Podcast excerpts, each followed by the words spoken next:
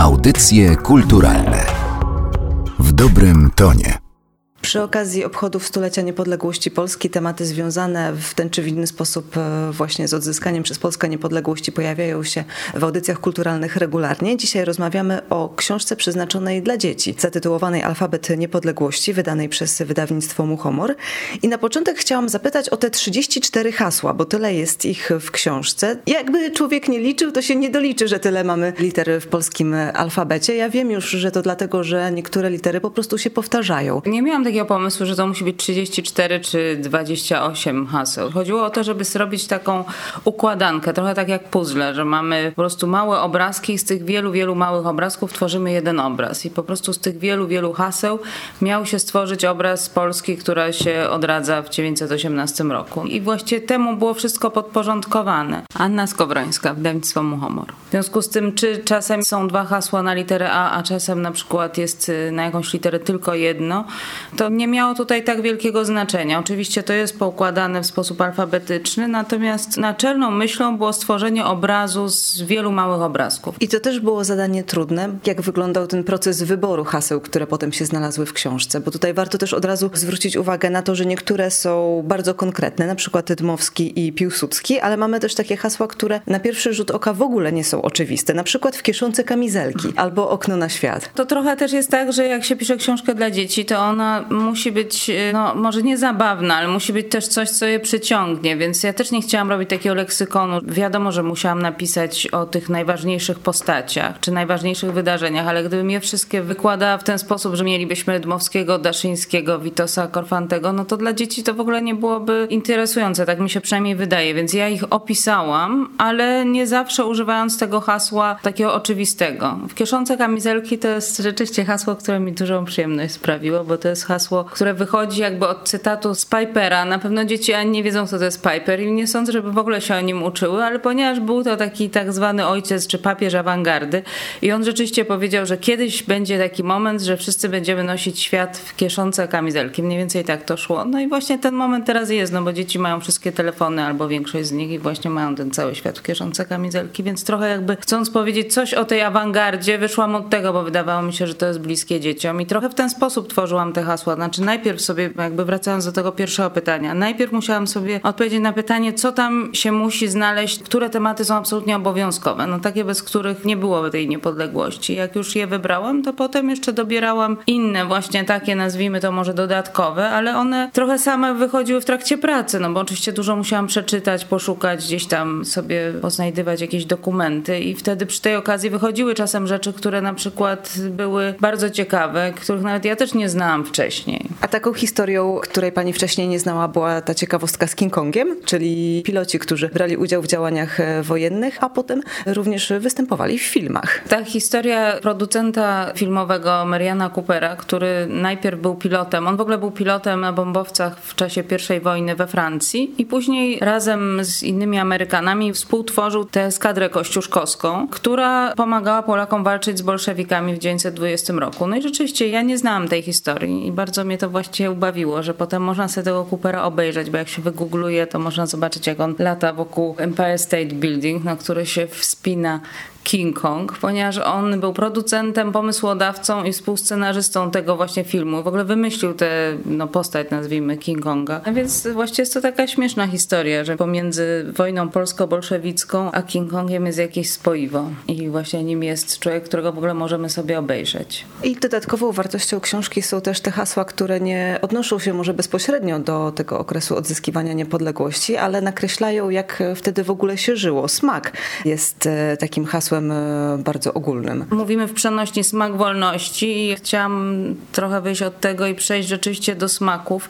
Oczywiście to jest trochę pobieżnie zrobione, bo tych potraw i smaków można by na pewno więcej wyszukać, zwłaszcza, że były te różnice porozbiorowe i różnice w regionach, ale w takim krótkim tekście coś zawarłam, bo chciałam też pokazać, że historia to nie są tylko bitwy i nie są tylko jakieś rozmowy polityków, zabiegi dyplomatyczne i nie tylko szarże ułańskie, tylko też są po prostu takie zwykłe rzeczy, które trochę trochę się zmieniają, no chociażby no nie było lodówek na przykład, no to też dla dzisiejszych dziesięciolatków to jest jakaś abstrakcja. Porusza Pani w książce również te ciemne strony dwudziestolecia międzywojennego. Delikatnie, ale jednak e, one się pojawiają. E, przy okazji hasła Narutowicz e, mamy taki fragment. To też było właśnie jedno z tych haseł, które było oczywiste, że musi się znaleźć. To znaczy tak jak Piłsudski, to musiał też być Narutowicz. Ci ludzie, którzy dążyli do odzyskania niepodległości, byli niesłychanie ze sobą jakoś solidarni, potrafili ustępować ze swoich ambicji, ale w momencie, kiedy już Polska stała się niepodległa, to właściwie zeskoczyli do gardeł. No i oczywiście już tego potem nie rozwijam o tym, co się działo dalej, no bo oni sobie skakali do gardeł do 39 roku i nawet po 39 niestety też, więc tutaj myślę, że takie jedno hasło pokazuje pewną, nie wiem, czy to jest cecha narodowa, czy nie, że po prostu jest to cecha ludzka, no ale w każdym razie coś takiego, z czym pewnie ogólnie mamy nieustająco do czynienia, no może nie w takim mocnym wymiarze, ale to skakanie do gardeł jest obecne stale. Rozmawiałyśmy o tych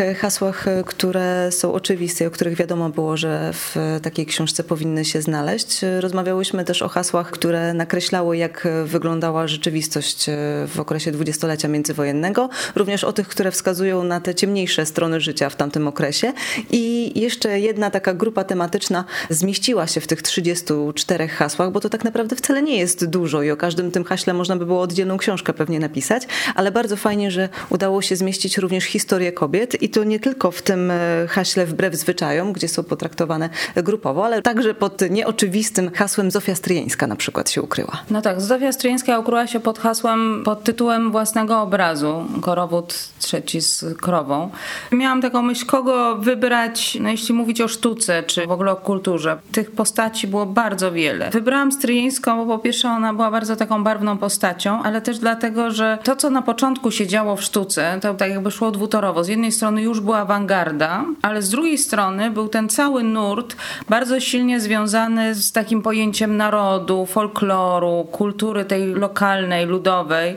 Wydaje mi się, że to wszystko wynikało z tego, że Polska była tak długo pod zaborami, że teraz był takie ogromne zapotrzebowanie na tę narodowość. I Stryjeńska robiła to w świetny sposób, bo ona przetwarzała te motywy ludowe w taki zupełnie swój własny styl, więc to nie było kiczowate, przynajmniej na początku. I ona rzeczywiście dostała tych ileś medali na wystawie światowej w Paryżu, w związku z tym ją wybrałam. A dodatkowo rzeczywiście, ponieważ czytałam jej biografię, no i był tam ten fragment o tym, jak odwiedziła Mortkiewiczów, wydawców i jak y, obróciła talerz do góry dnem, bo chciała zobaczyć, jaka to jest porcelana i w ten sposób wylała zupę na biały obrus, więc oczywiście nie ma to wielkiego znaczenia, jeśli chcemy poznać obrazy stryjeńskie, ale z drugiej strony jest to śmieszna anegdota, która, no nie wiem, dzieci zawsze lubią mieć troszkę takich jakichś lżejszych rzeczy, nie tylko wszystko na takim bardzo wysokim C. I ten e, fragment wbrew zwyczajom to też jest e, hasło poświęcone w całości kobietom. Tak, ale to właśnie wyszło w trakcie pisania książki, ponieważ chciałam zrobić hasło oczywiście o pierwszych wyborach i o tym, że Polki dostały prawo głosu i mogły być wybierane, zwłaszcza, że to naprawdę było bardzo wówczas nowoczesne, bo Francja dostała dopiero w 1944 roku we Francji kobiety mogły głosować na przykład. I zaczęłam szukać, kto się dostał do tego Sejmu i szukać jakichś tekstów o tych kobietach, które się dostały i w ten sposób właśnie znalazłam parę ciekawych życiorysów i dlatego zrobiłam osobne hasło jeszcze o tych kobietach, więc właściwie nie miałam takiego założenia, że napiszę jakieś specjalne hasło poświęcone kobietom, tylko po prostu w trakcie pracy akurat natknęłam się na ciekawe życiorysy, a ciekawa byłam, kto się tam dostał. No i rzeczywiście ich było tylko osiem, ale też to było niezwykłe, że było ich osiem i też ciekawe było zobaczyć, czym one się zajmują, bo to były takie sprawy, które teraz się wydają zupełnie jakieś absurdalne. No, na przykład to, że kobieta wychodząc za mąż za obcokrajowca traciła polskie obywatelstwo, a na odwrót się to nie działo. No więc to też są takie ciekawostki. Przy okazji rozmów o książce Alfabet Niepodległości nie sposób nie wspomnieć o tej stronie graficznej, czyli ilustracjach Joanny Gembal, które także oddają w pewien sposób e, ducha tamtego czasu. Tak, Joanna jest rzeczywiście bardzo młodą, ale niezwykle zdolną graficzką. Ona się, można powiedzieć, zanurzyła w grafice dwudziestolecia, w książce dwudziestolecia, w ilustracjach z tamtych czasów, ale przetworzyła sobie ten styl na zupełnie swoją własną modłę. To nie jest żadne naśladownictwo, tylko właśnie coś bardzo oryginalnego. Te ilustracje są niezmiernie, powiedziałabym, takie proste w przekazie, bardzo żywe i wydaje mi się, że szalenie fajne. Na przykład, y, nie wiem, jak Państwo zobaczą Halera, który jest w tym momencie zaślubin z morzem i mamy takie utarte już schematy zrobione według tych, y, no nie wiem, chociażby Kossaka, że ten Haler na koniu wskakuje w falę morza i tam wrzuca pierścień i w ogóle tak nie było przede wszystkim, bo w żadne fale nie wskakiwał, bo było zimno i to była zatoka i była zamarznięta częściowo, więc w ogóle nigdzie nie wskakiwał. A właśnie Asia to super go namalowała w taki bardzo prosty, trochę skrótowy sposób, jak on klęka i wkłada ten pierścień do wody. Zresztą nie jest to pierwsza książka, którą wydajemy za Asią Gębel, bo wydałyśmy jej Popatrz w niebo, taką serię, która wygrała konkurs Trzymam książki chyba dwa lata temu i to są trzy książki przeznaczone dla dzieci od 0 do 3 lat.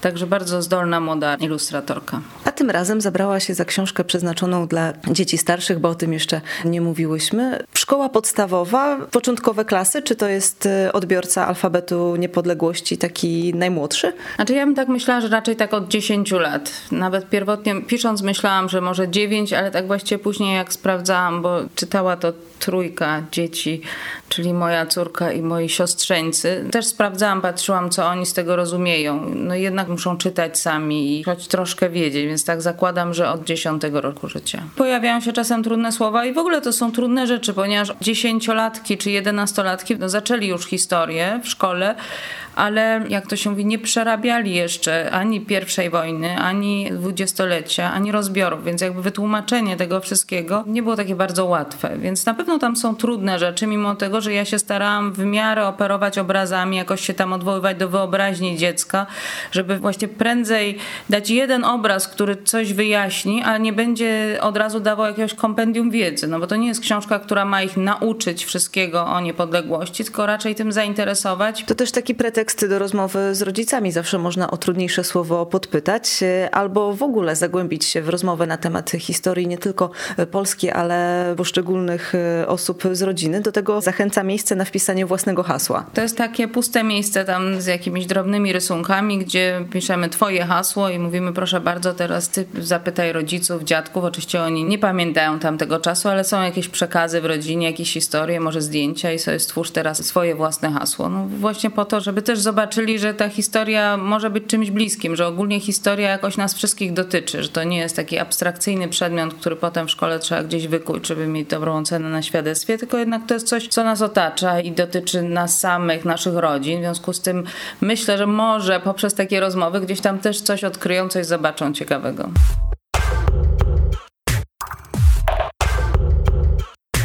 Materiał przygotowała Magdalena Miszewska. Audycje kulturalne w dobrym tonie.